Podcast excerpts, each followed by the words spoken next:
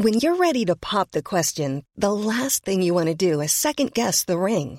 At Bluenile.com, you can design a one of a kind ring with the ease and convenience of shopping online. Choose your diamond and setting. When you find the one, you'll get it delivered right to your door. Go to Bluenile.com and use promo code LISTEN to get $50 off your purchase of $500 or more. That's code LISTEN at Bluenile.com for $50 off your purchase.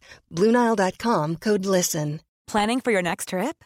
Elevate your travel style with Quince. Quince has all the jet setting essentials you'll want for your next getaway, like European linen, premium luggage options, buttery soft Italian leather bags, and so much more. And is all priced at 50 to 80% less than similar brands. Plus, Quince only works with factories that use safe and ethical manufacturing practices. Pack your bags with high-quality essentials you'll be wearing for vacations to come with Quince. Go to quince.com/pack for free shipping and 365-day returns. Burrow is a furniture company known for timeless design and thoughtful construction and free shipping, and that extends to their outdoor collection. Their outdoor furniture is built to withstand the elements, featuring rust-proof stainless steel hardware, weather-ready teak, and quick-dry foam cushions. For Memorial Day, get 15% off your Burrow purchase at burrow.com slash ACAST and up to 25% off outdoor. That's up to 25% off outdoor furniture at burrow.com slash ACAST. I dagens episode gjester Maren som er psykolog og tidligere jobber i politiet. Hun kaller seg selv traumepsykologen på sosiale medier, og i dagens episode deler hun hennes kunnskap og erfaring angående traumer etter en voldtekt og mye mer. Ja, Du kan egentlig bare få starte med å fortelle hvem du er. Ja. Jeg heter Marion Zoe Ørseng. Og jeg er eh, psykologspesialist. Og er Ja, jeg er 35 år. Er fra Larvik. Bor i Larvik. Har to små barn. Er samboer. Eh, og starta faktisk denne uka som privatpraktiserende, da. Hvor jeg har bygd Eh, mitt eget lille kontor i hagen. Eh, så jeg starta akkurat denne uka her. Så det har vært litt stas egentlig denne uka her. Um, og så uh, regner jeg med at jeg har blitt invitert her fordi du fant meg på Instagram. Mm. Hvor jeg drifter en, en, konto som heter Traumepsykologen. da. Mm. Hvor jeg poster en del ting om psykisk helse og traumer og traumebehandling. Hva er du spesialist i? Jeg er spesialist i det som heter klinisk voksenpsykologi og det vil si, altså En psykologspesialist er rett og slett en som har tatt en femårs videreutdanning etter mm. man har blitt psykolog. da. Yeah. Så det er noe man gjør, gjør, mens man jobber. Og så er liksom kanskje hovedgrunnen til at man blir spesialist, at det er en ganske betydelig lønnshopp. da. Mm. Og det er veldig vanlig å, å gjøre det mens man jobber f.eks. i det offentlige på sykehus og sånn. da. Mm. Ja, skjønner. Så finnes det mange ulike spesialiteter, men jeg tok den som et klinisk voks voksne. Dvs. Si at jeg har fordypa meg i behandling av voksne. Mm. Um, så kan vi gå over til Siden at uh, i podkasten så snakker vi egentlig, eh, er jo temaet generelt voldtekt og det å på en måte være et voldtektsoffer. Uh, og etter du har opplevd en voldtekt, så sliter du kanskje psykisk. Eller mange gjør det, noen gjør det kanskje ikke. Uh, hvem har på en måte rett på å få en psykolog? Hvem kan få det? Ja. Eh, det er noen ulike innganger eh, for å snakke med en psykolog. Eh, det vanligste er egentlig at man kanskje går til fastlegen sin, og så ber man om en henvisning, som det heter. Dvs. Si at fastlegen skriver et skriv da, til, til, det offentlige helsevesenet som heter da DPS, som står for distriktspsykiatrisk sykehus som er en del av det vi kaller spesialisthelsetjenesten. Um, så da henvises man dit med ønske om eh, behandling. Og, og sånn det er eh, organisert på de aller fleste DPS-ene nå, hvis det er sånn at man går til legen sin og sier at man har opplevd en voldtekt og ønsker behandling for det, f.eks., hvis man er så spesifikk, så blir man da ofte henvist direkte til det vi kaller et traumeteam, da, mm. som, er, um, som, er, ekstra gode på det med traumer og det å ha ut, uh, blitt utsatt for voldtekt. da. Um, så det er én inngang inn. Um, eller så kan fastlegen henvise til det som heter en privatpraktiserende psykolog, altså en psykolog med det som heter driftshjemmel eller avtalehjemmel. Um, det er det ofte ganske lange køer på.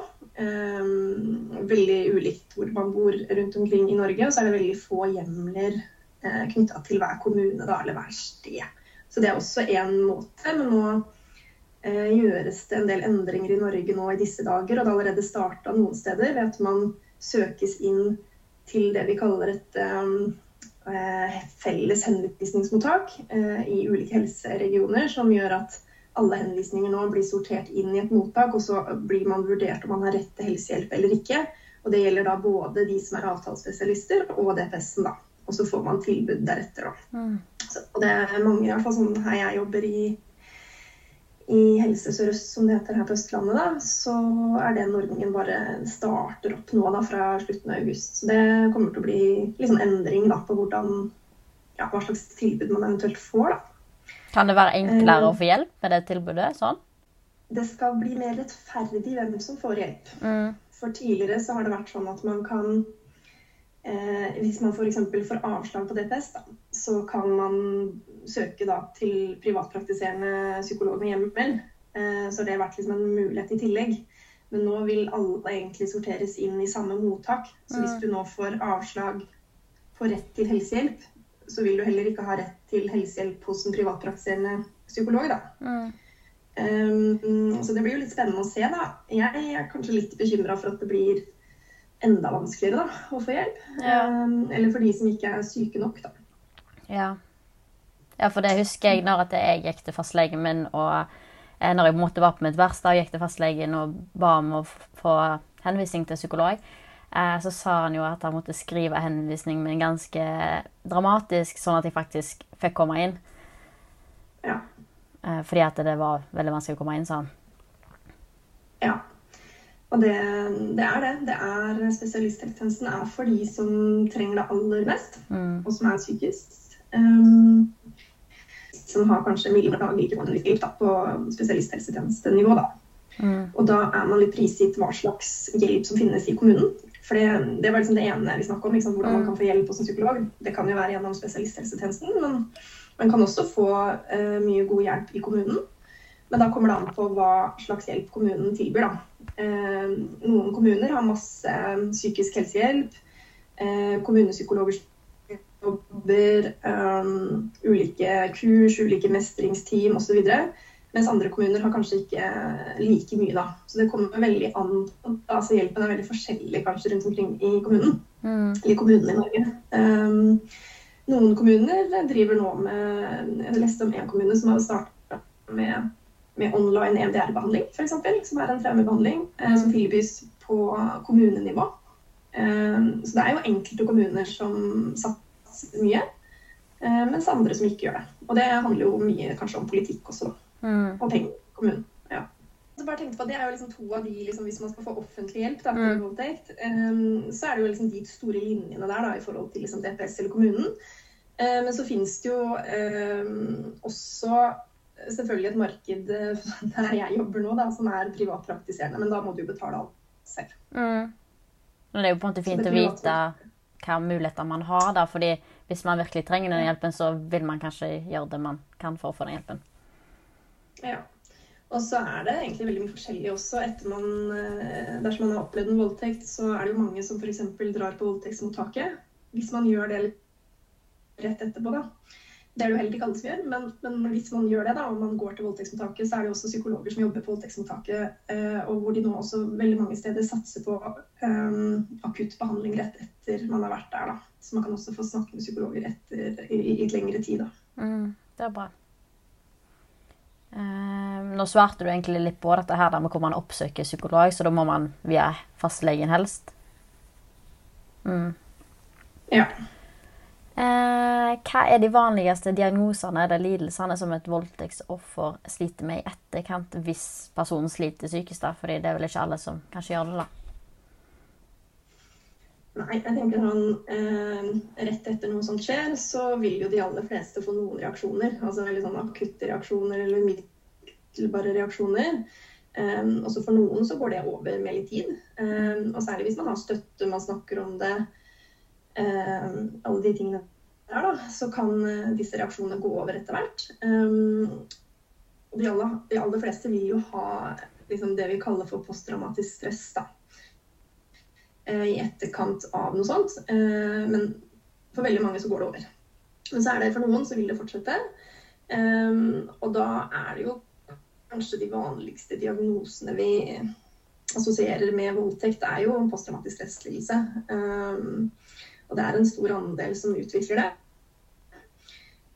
Av de som da sliter. Men jeg tenker mennesker er ganske forskjellige, og voldtekt også kan utløse egentlig ganske mange ulike reaksjoner. Mm. Um, F.eks. mange ulike angstlidelser. Økt bekymring.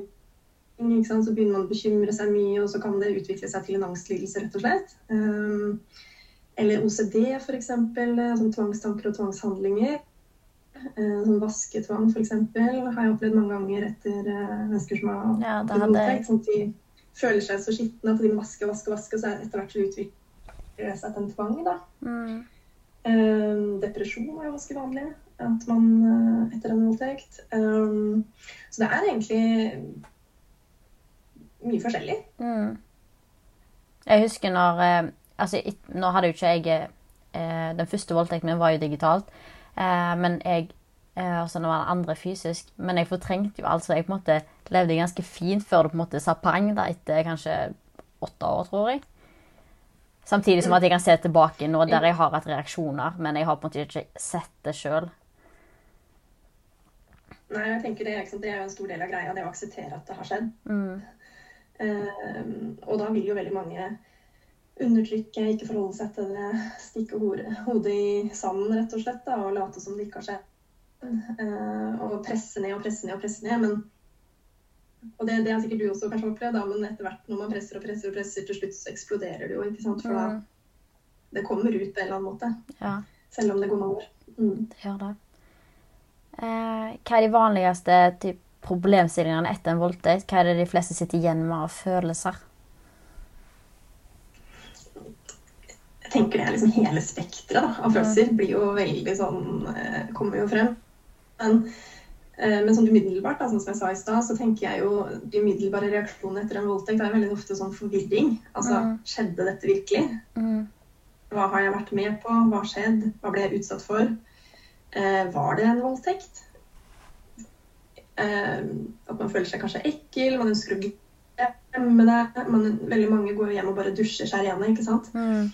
Som kan jo være veldig dumt hvis man har tenkt til å anmelde det seinere, for da kan man vaske vekk egentlig ganske mye bevis. da. Mm. Eh, men det er jo veldig naturlig at man gjør det. ikke sant? Man, det, det, det, skjønner jeg veldig godt, at man ønsker bare å få det bort.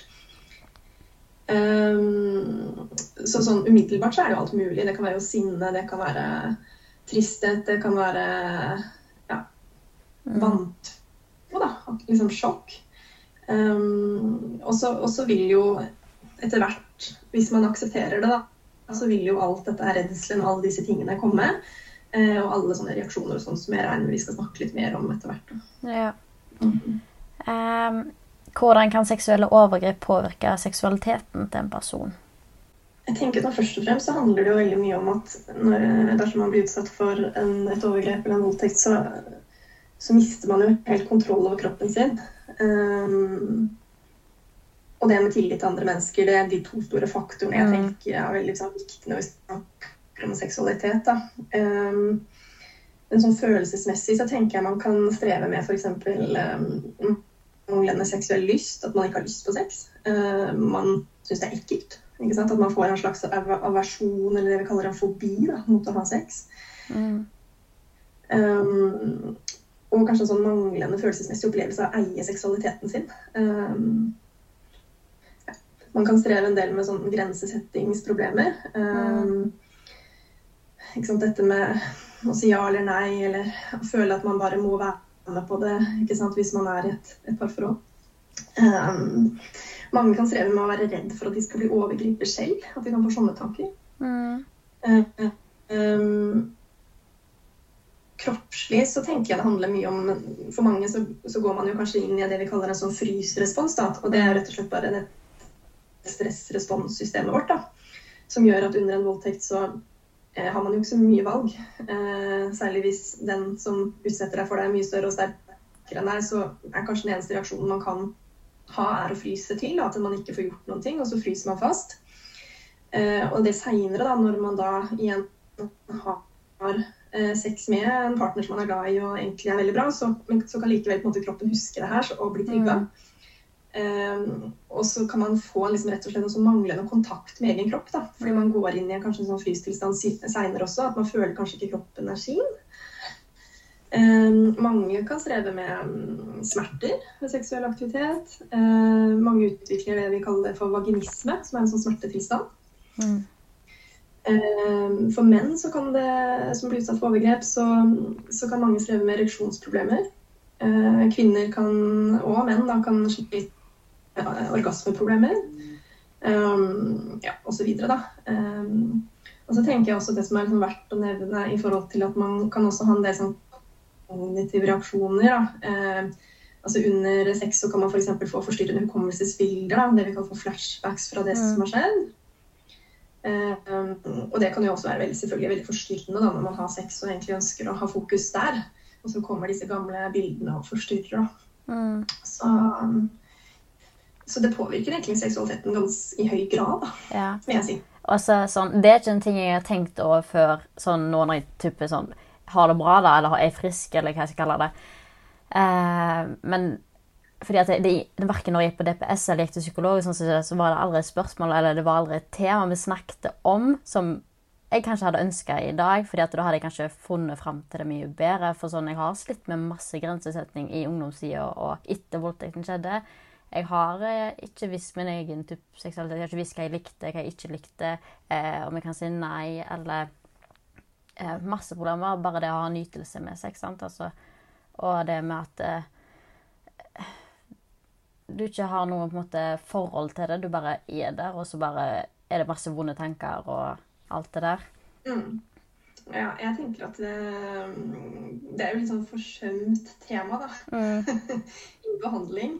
Um, og jeg også, når jeg tenker tilbake på alle de jeg har møtt som har opplevd seksuelle overgrep, så har jeg nok, i hvert fall særlig de første åra jeg var psykolog, det var jo aldri noe jeg snakka om. Men etter hvert som jeg liksom jobba mer og mer med det, så skjønte jeg jo at herregud, det er kjempeviktig. Det er jo en del av Det har så mye med livskvalitet å gjøre. Mm.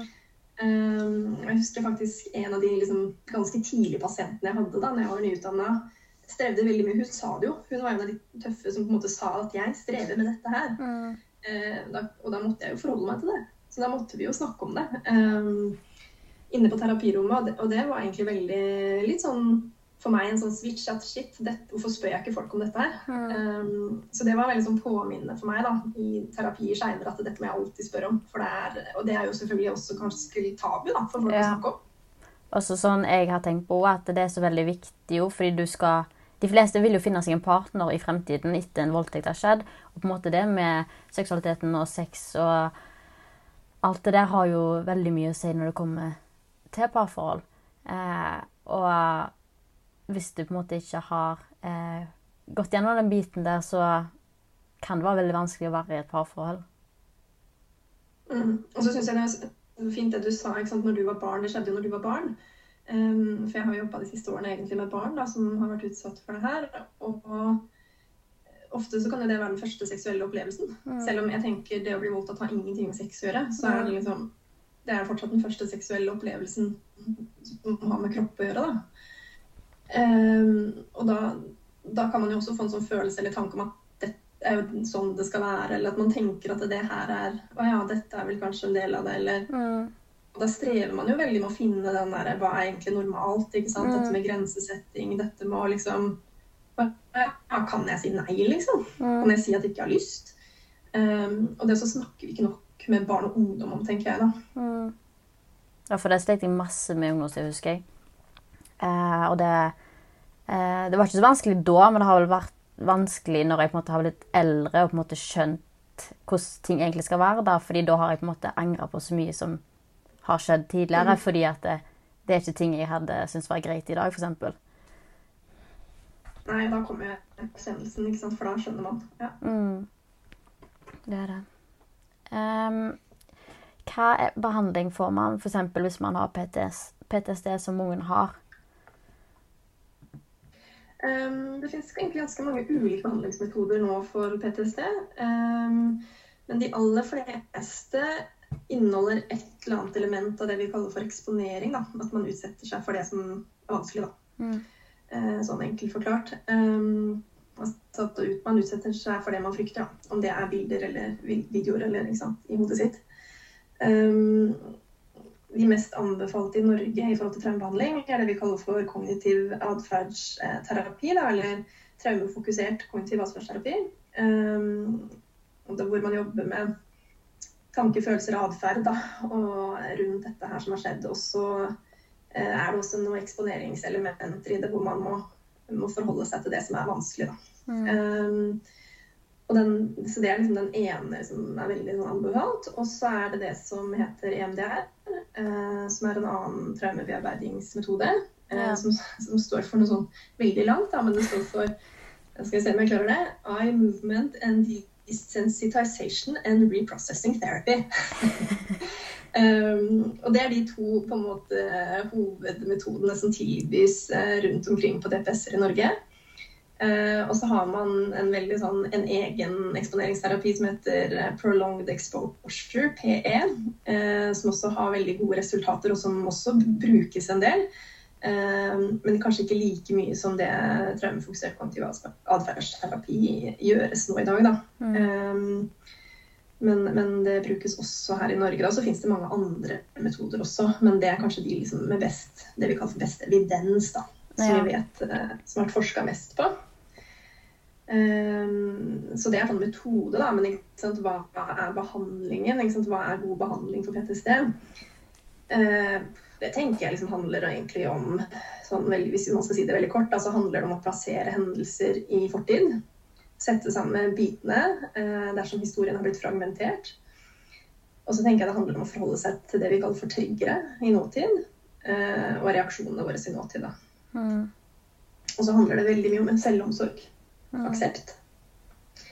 Eh, og så handler det jo veldig om å få god, god traumebehandling. handler også om å få veldig tillit den du skal snakke med. da. Mm. Og du tør å dele det. Ja, for jeg husker det, når jeg først begynte på DPS, fikk jeg mannlig psykolog. Eh, det gikk ikke så bra. Jeg begynte på den der EDMR-behandlingen med han, men eh, jeg gikk ganske lenge, for jeg tenkte bare jeg skulle prøve å på en måte bekjempe frykten min litt. Men jeg eh, satt jo bare og fikla med alt, og jeg følte jo stivna til stolen. Jeg klarte ikke å bevege meg eller slappe av eller noen ting. Mm. Så det var, det var, kjempevanskelig å sitte med en mannlig psykolog. Sånn, for du sitter jo ganske tett oppi på et lite rom med en person. Eh, så det, var, det var vanskelig å få tillit. Ja, jeg tenker, det er jo en forutsetning. At man, man, man, klarer å slappe av såpass mye da, mm. til å på en måte gå inn i noe som er så vanskelig. Og, for noen så er jo det en sånn terskel i forhold til kvinnelig eller mannlig. og det Eh, det, det, tenker jeg det, er bare, altså, det må man bare kjenne litt på. For noen så kan det være bra som du sier, i forhold til å kanskje eksponere seg til å mm. lære seg at, men, at, ikke alle menn er farlige. Da. Mm. Fordi det er jo kanskje en sånn skjema man får etter man har opplevd noe sånt fra en mann. Eh, ikke det at alle voldtektsmenn er menn, men, men eh, i hovedsak, da. Um, så, så, er jo det en god eksponering. Men jeg tenker at hvis det kan ikke bare handle om det. Da kommer man ikke videre, da. Um, og, det, og, det, er også noe man Hvis man har veldig sånt ønske, så tenker jeg hvis man er hos fastlegen sin, så kan man si at man ønsker veldig kvinnelig behandler, f.eks. Det kan man skrive i henvisning. Mm. Eller få fastlege til å skrive. Jeg husker jeg syntes det var kjempevanskelig å si til han at jeg ikke ville ha han lenger, for at jeg ikke klarte det. Fordi det, når du er så redd en mannlig person fordi at Jeg vet jo ikke hvem overgriperne mine er, så jeg var superparanoid. Jeg trodde overgriperne var alle. Så jeg turte jo ikke si noe til han heller, så jeg gikk jo ganske lenge til han før jeg skulle flytte. Og da fikk jeg jo en ny kommune og en ny plass, og da fikk jeg jo damepsykolog. Eh, så det, det er noe der fordi du klarer ikke helt å være helt ærlig eller helt åpen når jeg er livredd behandleren. Nei, det, jeg tenker det må være en forutsetning. Ja. ja. Det er det. Mm. Hvordan håndterer man triggeret etter en voldtekt? Sånn sjøl og typ, hva man kan gjøre sjøl? Ja, jeg tenker det, det, er mye man kan gjøre sjøl. Eh, F.eks. bli litt bevisst hva er det som er triggerne mine. da. Eh, for, for veldig mange kan det være liksom ubevisst at man egentlig ikke helt vet. Man bare går rundt og blir redd uten at man skjønner helt hvorfor. Um, så det å lære å gjenkjenne de, da, og være oppmerksom på hva er det som trigger meg, hva er det som vekker en Og trigger betyr jo rett og slett hva er det som vekker en reaksjon hos meg, da. Um, I'm Sandra, and I'm just the professional your small business was looking for. But you didn't hire me because you didn't use LinkedIn jobs. LinkedIn has professionals you can't find anywhere else, including those who aren't actively looking for a new job but might be open to the perfect role, like me. In a given month, over 70% of LinkedIn users don't visit other leading job sites. So if you're not looking on LinkedIn, you'll miss out on great candidates like Sandra. Start hiring professionals like a professional. Post your free job on linkedin.com/people today. Burrow's furniture is built for the way you live. From ensuring easy assembly and disassembly to honoring highly requested new colors for their award-winning seating, they always have their customers in mind. Their modular seating is made out of durable materials to last and grow with you. And with Burrow, you always get fast, free shipping. Get up to 60% off during Burrow's Memorial Day sale at burrow.com slash ACAST. That's burrow.com slash ACAST. burrow.com slash ACAST. Og da tenker jeg liksom, hvordan reagerer man kroppslig? Eh, hvordan reagerer man følelsesmessig? Eh, og hvordan reagerer man tankemessig, da? Um, så si Therese, hva, hva var en av dine triggere, da? Mm, dusjen kunne være det. Ikke sant? Så det å se en dusj, eller bare liksom komme inn på badet Ja, badet og generelt dusj. Altså hele rommet kunne være en sant? Så- da vet du det var en av trigger, så da ville det vært liksom, å kartlegge det. Hva skjer med meg kroppslig når jeg ser dusjen? da? Eh? Hva er det som skjer inni meg? Er det sånn at pulsen øker? Er det sånn at jeg blir helt stiv? Er det sånn at hjertet banker eh, raskere? Eh, hvordan blir jeg følelsesmessig? Blir jeg redd? Eh, Blir jeg sint? Blir jeg trist? Hva er det som skjer? Eh, og tankemessig, hva er det som foregår oppi her? Mm. Nå skjer det, nå, nå er det fare, ikke sant. Nå, kommer jeg til å dø. Eh, nå skjer det igjen. Ikke sant? Sånne type ting, da. Um, og så tenker jeg noe med For den er jo veldig sånn knytta til direkte til når det skjedde, ikke sant. Mm. Ja. Så er det noe med også, Men for mange så kan det være sånn at man ikke helt vet da, hva er det som utløser eh, disse symptomene. For man skjønner ikke helt hva som er triggeren. Mm. Eh, For andre så kan det være bare sant, å få høy puls. Man går nedover gata, så får man høy puls, og så er det liksom pulsen i seg selv som er triggeren. Mm. Og så begynner man å stresse, og så begynner man kanskje, og så utløser det kanskje bilder i hodet igjen, ikke sant, og så Mm. videre og så videre. Um, men jeg tenker da, jeg tenker jo mer måte kunnskap vi har, og jo mer vi skjønner, eh, jo enklere blir det også å forholde seg til det. Men man må Mm. skjønne hva som skjer. Ja. Det er liksom number one. Det har jeg merka at etter jeg måte begynte å forstå meg sjøl litt bedre, så var det enklere å håndtere det òg. Men det er jo sånn som Ja. jeg sa i den ene episoden min, at f.eks. hvis at jeg er i dusjen eller jeg er ute og går og ser en mann, eller sånt, som det, så eh, eh, Hvis at det trigger meg, da, så, og jeg får flashbacks, så ser jeg Jeg klarer liksom ikke å se meg sjøl som ti år eller tolvåring. Jeg klarer bare å se meg sjøl nå, for jeg husker ikke meg sjøl. Jeg klarer ikke å huske meg sjøl, sjøl om jeg ser bilder av meg sjøl. Jeg, bare, jeg klarer ikke å føle på meg sjøl på den tida, på en måte. Nei. Nei. Så det er kjempevanskelig. Eh, Men ikke sant, det å forstå hva som skjer, ok, nå blir jeg trigga, dette er en reaksjon, det går over, ikke sant, og liksom kunne forstå hva er det som foregår akkurat nå, eh, og minne seg selv på at dette går over, dette er en eh, reaksjon, dette er kroppen min som reagerer, dette er hodet mitt som reagerer, men det går over, liksom. Eh, Jeg tenker det er veldig viktig, da.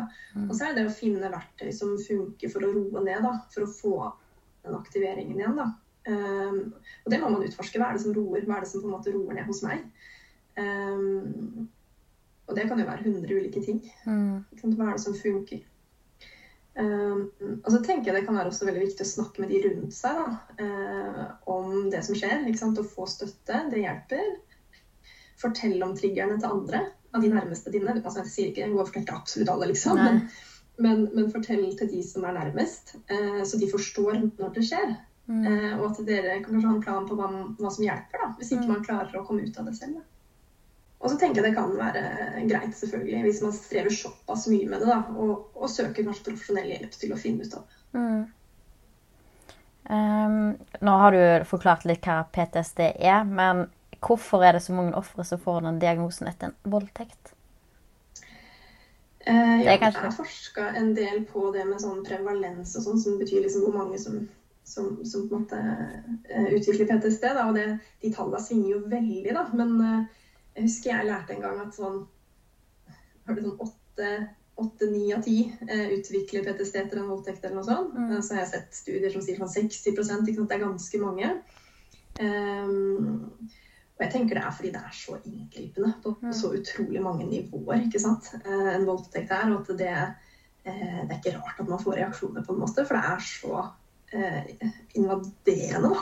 Eh, Både på kropp og sinn og på alle nivåer, egentlig. Så det, jeg tenker det er liksom Det er så jævlig, liksom. Mm. Det samme er jo med mennesker som utsettes for krig. De også har jo de høye prosentandelene med PTSD. Så det er krig, og det er seksuelle overgrep, liksom. Mm. Så det kan sammenlignes med å, å være i krigen, liksom, hvis man måte, mm. tenker sånn. Ja. Uh, og man ville jo ikke tenkt at det var så rart de fikk reaksjoner, på en måte. Nei. Men det gjør man noen ganger med, med utsatte, tenker jeg, da, fra seksuelle overgrep. Mm. Mm. Man skjønner ikke på samme måte. Nei. Uh, og så um, Ja, posttraumatisk eh, stresslidelse, det er en psykisk lidelse, da, eller en, en diagnose, kan man vel også si. Um, som kan utvikle seg etter å ha opplevd eller vært vitne til en traumatisk hendelse. Uh, så det kan inkludere hendelser som da krig, voldtekt, alvorlige ulykker, naturkatastrofer, uh, vold eller andre truende situasjoner. Da. Så det er en rekke ulike traumatiske hendelser som kan utløse det vi kaller en posttraumatisk stresslidelse. Um, de viktigste på en måte symptomene, da, eller liksom kjennetegnene ved PTSD, eh, blir ofte liksom delt inn i tre ulike kategorier. Så vi har de, eh, det som heter gjenopplevelsessymptomer. Um, og det kan være påtrengende uønska tanker. Eh, det kan være minner eller mareritt om det som har skjedd. Uh, og så kan også, hvis man har vært utsatt for en voldtekt, da, så kan man oppleve veldig sterke følelser eller kroppslige, kroppslige reaksjoner når man blir konfrontert med påminnelser om traume. Og det er jo det, egentlig det vi snakker om med triggere. Da, ikke mm. sant? At man da kjenner det veldig kroppslig eller eh, veldig følelsesmessig. da. Eh, så det er det vi kaller for gjenopplevelsessymptomer. Da. At det, man gjenopplever rett og slett traumer på mm. nytt. Um, så det er jo på en måte den første. Og så har vi det vi kaller for unngåelsessymptomer. Og det omfatter det å unngå situasjoner, steder, mennesker eller aktiviteter som minner om traume. Da. Så hvis man har opplevd en voldtekt f.eks., så ville man kanskje unngå det stedet der det skjedde, eh, eller de stedene. Um, unngå de menneskene som var involvert. Um, ja, da. Um, men det kan også være innenfor det med unngåelse så kan det også være det at man eh, har vansker med å snakke om det. Uh, man unngår å snakke om det, rett og slett. Man mm. unngår å tenke på det. Sånn som du beskrev, at jeg bare blokkerte det bort. Mm. Dette skal jeg ikke snakke om og ikke tenke på. Eh, og da blir man også ganske sånn følelsesmessig nummen, da. Mm. man blir ganske sånn flat. Um, så det er en del av unngåelsen. Um, det kan også være sånn at man unngår så mye, eller at man rett og slett ikke har koda det inn når det har skjedd. At man har en del sånn hull i hukommelsen også. Uh, og for noen så er det sånn at man prøver å fylle disse hullene, fordi man ønsker jo å vite hva som har skjedd. Mm. Uh, mens for andre er det bare å unngå alt totalt, da. Den tredje kategorien, det går på det med det vi kaller aktivering, da. Eh, så det kan være, og det, Disse symptomene her er egentlig det vi ser i veldig mange andre angstlidelser også. Um, så, så, de er jo på en måte veldig sånn generelle egentlig for angstsymptomer. Uh, ikke nødvendigvis spesifikke for PTSD, da. Men, men, det er den tredje kategorien, og det er, er dette med vedvarende irritabilitet eller sinne. At man blir sånn lett irritert. Mm.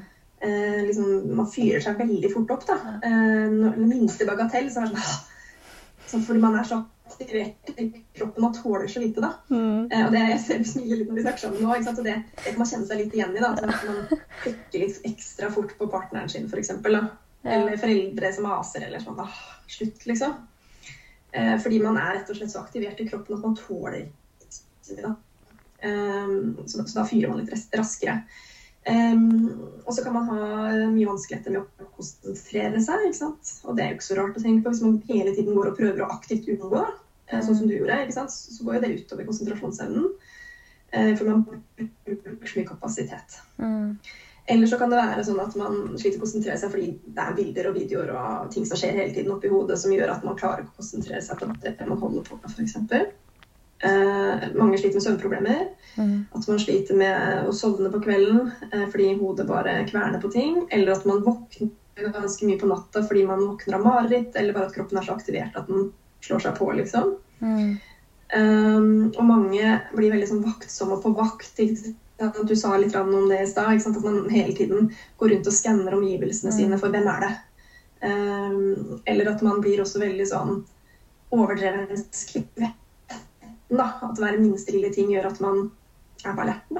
Mm. Og det, alt det der handler om aktivering. da, At rett og slett dette responssystemet vårt er veldig sånn aktivert, og vi er veldig sånn klar da, eh, for å handle, på en måte. Men det er jo veldig slitsomt da, å gå Mm. rundt sånn hele tiden. Ja, jeg husker at jeg alltid gikk med Jeg var, jeg var alltid kjempestiv i kroppen og hadde alltid veldig vondt i kroppen, for jeg slappa jo aldri av. Fordi på dagen så var jeg jo der oppe og gjorde tusen ting for at jeg skulle holde meg opptatt hele tida. Og så når natta kom, så klarte jeg jo ikke å sove med lysene av eller noen ting. Men jeg satt jo og tenkte og tenkte, for jeg prøvde jo å fylle inn alle disse tomrommene som jeg hadde da, om nettene. Eh, fordi at det var så mye greier, og så kom det kanskje noen bilder og tanker, og så gikk det jo hver dag i to år nesten der det bare gikk på repeat på repeat hele tida. Mm. Liksom, da er man på jobb hele tiden. liksom. Mm. Det er det som, det som skjedde. Um, mm. Så det er på en måte det, det som er en PTSD-diagnose. og da For å få en PTSD-diagnose så må man fylle visse kriterier da, innenfor disse ulike symptomkategoriene som vi har vært eh, gjennom. da.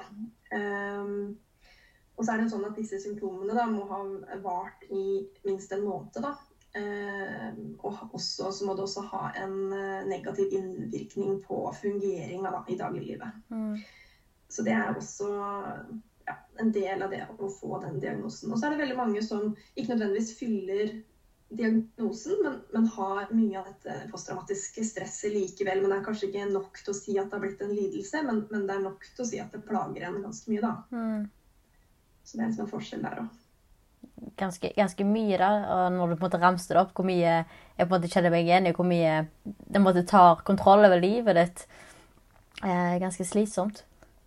Mm. Og så tenker jeg det du sier sant, om at du gikk hele tiden på vakt. Og, sant? og det, det ser vi også hos mennesker som har vært utsatt for seksuelle overgrep eller andre typer traumer også, da, er jo at man får en del sånn muskel- og skjelettplager også. Eh, og strever en del med kroppen. Så det er veldig mange som går til kiropraktorer og fysioterapeuter og diverse sånn som har fokus på kropp. da. Mm. Eh, rett og slett fordi man har gått med sånn feilbelastning i kroppen over lang tid. da. Ja, det kan stemme, for jeg har ofte vondt i ryggen etter den tøffe, tøffeste perioden. Eh, altså, Jeg merker at det, Jeg vet ikke om det på en måte kom Men det har på en måte vedvart etter det. Men jeg skjelver ofte mye uten at jeg på en måte vet grunnen til det. Men det er på en måte Det bare skjer, liksom. Jeg skjelver, liksom. I hele kroppen etter det. Eh, kan man bli frisk av PTSD? Ja, Det er mulig. Um, jeg har skrevet litt om dette her egentlig på, på Instagram-profilen min også. Ehm, og der har jeg liksom stilt det spørsmålet på en måte hva betyr å være frisk, da. Mm. Ikke sant? Hva, hva er det man legger i det? Um, Jeg har likt det- å si at uh, jeg på en måte ikke er frisk, men jeg har lært meg å leve med det. Ja, ikke sant. Og jeg tenker også det at man, man kan, Det klarer de aller fleste, ikke sant. Å komme dit til at man uh, klarer å finne en eller annen aksept for at man har det som man har det, Mm. på en måte. Um, ikke at det har skjedd, nødvendigvis, men, men at man det har blitt sånn det har blitt. Mm. Um, og um, å bli frisk fra PTSD tenker jeg liksom betyr ikke at det blir borte, at traumet blir borte, liksom. Eller glemt eller sletta fra minnet. For det er jo veldig mange som kan komme på kontoret mitt bare 'Jeg vil ha det bort'. Ja. Jeg vil ha det bort nå. uh, og da sier jeg liksom 'sorry, Mac'.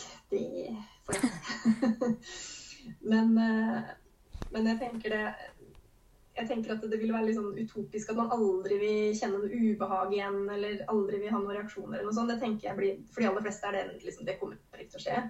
Men jeg tenker det sånn som du sier, da, at det går fint an å, å leve med det. Eh, og leve med symptomer. Og eh, at det, poenget er jo å få det minst mulig, da. Mm. Og at ikke det tar over livet, og at man kan leve det livet man ønsker å leve. da. Mm. Uten at det er så ekstremt plagsomt. Um, så jeg på en måte assosierer det å være frisk da, med det at man får en symptomreduksjon. At ikke det er hele tiden eh, masse, masse symptomer. Og at man funker bedre i hverdagen. da. Eh, og at ikke man blir overveldet nødvendigvis, eller hindra Mm. eh, til å gjøre noe man har lyst til pga. dette her. Og at man opplever en økt mestring. Det tenker jeg liksom har noe med å være frisk å gjøre. da. Eh, At man har ulike verktøy, mestringsstrategier for å håndtere stress da, og disse traumatiske minnene. Eh, og så tenker jeg frisk handler om, om bedre livskvalitet. da. Og at man eh, ja, liksom, får til et bra sexliv. da. Eller har et sexliv. Trenger kanskje ikke være bra, men Mm. at man har et sexliv da, og ikke unngår det. Eh, og at liksom, man er en del av, eh, av samfunnet da, og ikke sperrer seg inne. og Man er sammen med venner. Man funker i en jobb eller studier eller hva enn man driver med. Mm. Ja, for det er liksom noe det å bare finne den nye hverdagen, for det ble jo på en måte en helt ny hverdag som jeg må finne til å leve med dette her, og ikke mot den. Mm. Og jeg tenker det blir på en måte en Jeg pleier å si at det blir en ny tidsregning, på en måte. Det er jo litt før og etter. Det er det. Så er det noe med hvordan, hvordan leve etter etter. da. Og så, men så satt jeg bare tenkt tenkte, jeg fikk en assosiasjon til sant, hva er det vi eh, Jeg jobba jeg jobba noen år på en sånn spesialpoliklinikk for traumer og PTSD, hvor jeg jobba mye med behandling da, eh, av traumelidelser. Og da drev vi også med samtidig forskning. Da. Og da tenker jeg liksom sånn, Når vi definerte noen som frisk, eh, ut ifra forskning, så var det jo det at man ikke nødvendigvis fylte kriteriene til PTSD lenger. da. Mm. Så det er også en måte liksom å definere hva er frisk, da. Mm. At man ikke har diagnosen lenger, f.eks. Mm. Så det går an å bli kvitt diagnosen på en måte. Mm. Eh, hvordan kan man slippe å få flashbacks? Jeg tenker det er et dårlig mål. jeg tenker eh, det er et dårlig mål å prøve å unngå flashbacks, da. For jeg tenker det er egentlig veldig fint, og det høres rart ut, da, men det er veldig fint at man får flashbacks. Fordi det er hjernens måte eh, å få oss til å se at vi trenger å forholde oss til minnene. Mm. Eh, det er på en måte en liten alarm i hodet som sier 'hallo, se på meg'. Dette må du forholde deg til. Eh, og det er det hjernen Når vi opplever en krise, når vi opplever noe som er vanskelig, så vil på en måte hjernen sende signaler til at 'dette må du deale med'. Mm. Det trenger ikke være voldtekt, det kan være hva som helst. Hvis man, hvis man er nede ved gata og man sitter i bilen, og, og så plutselig så er det noen som hopper rett foran deg, liksom, så får du skikkelig støkk, stopper, og så blir du helt sånn stressa. Og så kan du liksom kjøre videre, og så kan du få sånne bilder av dette her seinere. Mm. Og det er jo på en måte hjernens måte å, å, å si til deg at OK, ho, dette må du bare ha, Mm. prosessere litt, liksom. Så når eh, man får flashback, så er det egentlig en måte, da eh, egentlig, Det høres veldig, veldig fælt å si det, for det er for mange forferdelig belastende å få flashbacks, men, men det er en slags gavepakke til å forholde seg til det. Mm. Akseptere det og prosessere det. Mm. Det er jo liksom så når jeg på en måte gikk inn og holdt på det så lenge og, og fortrengte det så mye, så sa det jo pang til slutt. sant? Så hvis jeg kanskje hadde fått de flashbacksene litt tidligere, så hadde det blitt tak i det mye tidligere òg. Jeg hadde fått jobba litt mer med det, og det hadde ikke smelt så mye på en gang, fordi jeg, fikk, jeg knakk jo helt i to når det skjedde. Mm. Så det er ganske jævlig, da, men det handler, om, det handler rett og slett om å ta det imot. Eh, og akseptere det, være nysgjerrig på det. Hva er det liksom som kommer? Hva er det, hva er det som skjer? Hva er det Å prosessere det. Og det, og det kan være greit å, å gjøre sammen med selvfølgelig en profesjonell part. da. Mm. Og få og, og prosessert disse minnene, rett og slett. Mm. For vi ser jo ofte på det som negativt fordi det er vanskelig. sant? Mm. Ja, ja, ja. Det er kjempevanskelig. Det er det ingen tvil om. Det er helt forferdelig å få flashbacks fordi man blir så redd, og man blir satt tilbake i tid. og man, man opp, altså Et flashbacks betyr jo rett og slett at man blir sendt tilbake til den hendelsen og opplever det på nytt. Mm. Det er jo ingen som har lyst til å ha det. Nei.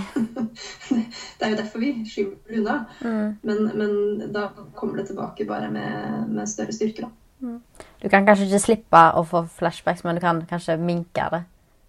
Eller dempe det. Absolutt. Jeg tenker Jo mer du forholder deg til det, jo mer du på en måte eh, forholder deg til disse flere og lar de få lov til å komme, og ikke dytter de vekk, jo mindre blir de i styrke etter hvert, og jo etter hvert så forsvinner de, da. Mm. Eller kan forsvinne, i hvert fall. Ja. Uh, hva er traumebehandling? Mm, det snakka vi jo litt om i stad, Ja. eh, men eh, jeg tenker traumebehandling tar liksom sikte på å redusere eller få vekk symptomer på PTSD. da. Det er det som er målet.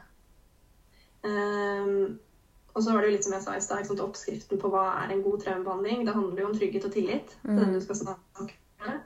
Det er jo en hel forutsetning. Har man ikke det, så kommer man ikke lenger, liksom.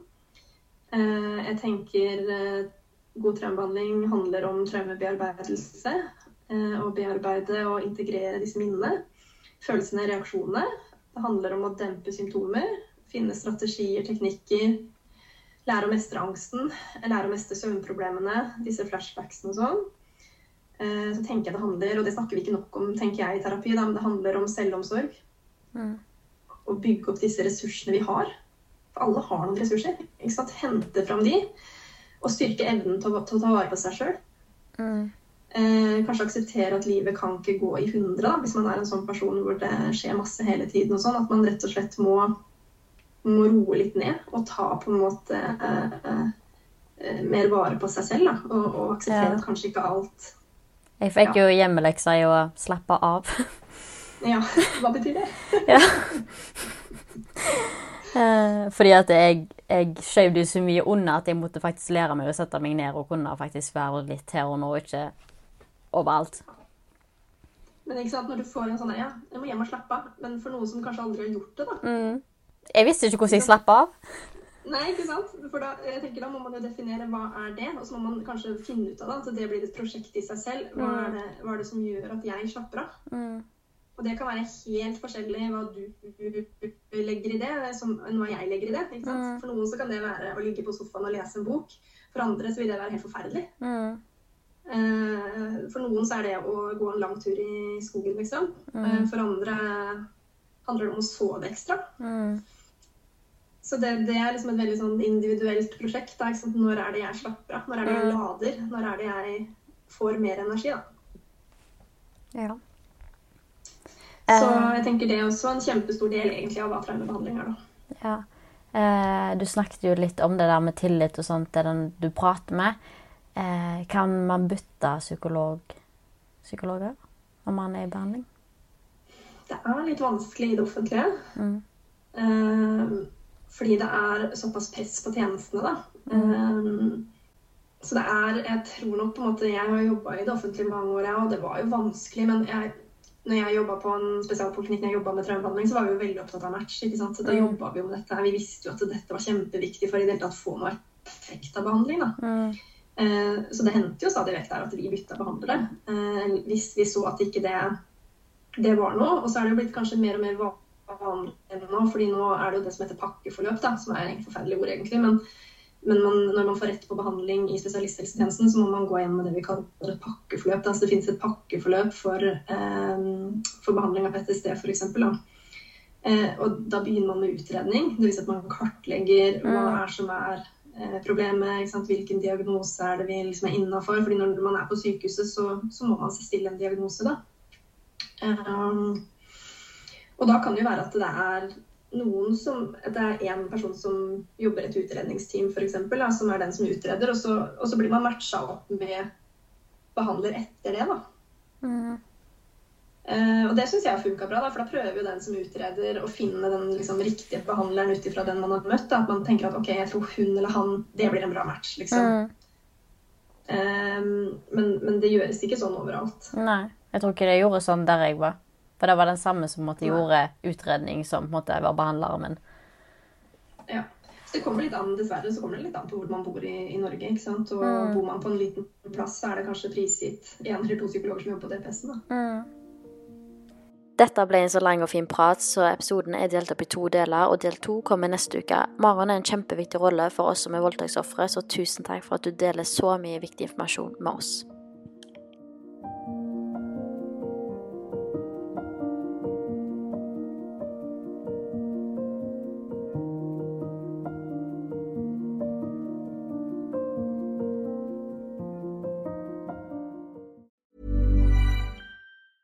Planning for your next trip? Elevate your travel style with Quince. Quince has all the jet setting essentials you'll want for your next getaway, like European linen, premium luggage options, buttery soft Italian leather bags, and so much more. And is all priced at 50 to 80% less than similar brands. Plus, Quince only works with factories that use safe and ethical manufacturing practices. Pack your bags with high-quality essentials you'll be wearing for vacations to come with Quince. Go to quince.com slash pack for free shipping and 365-day returns.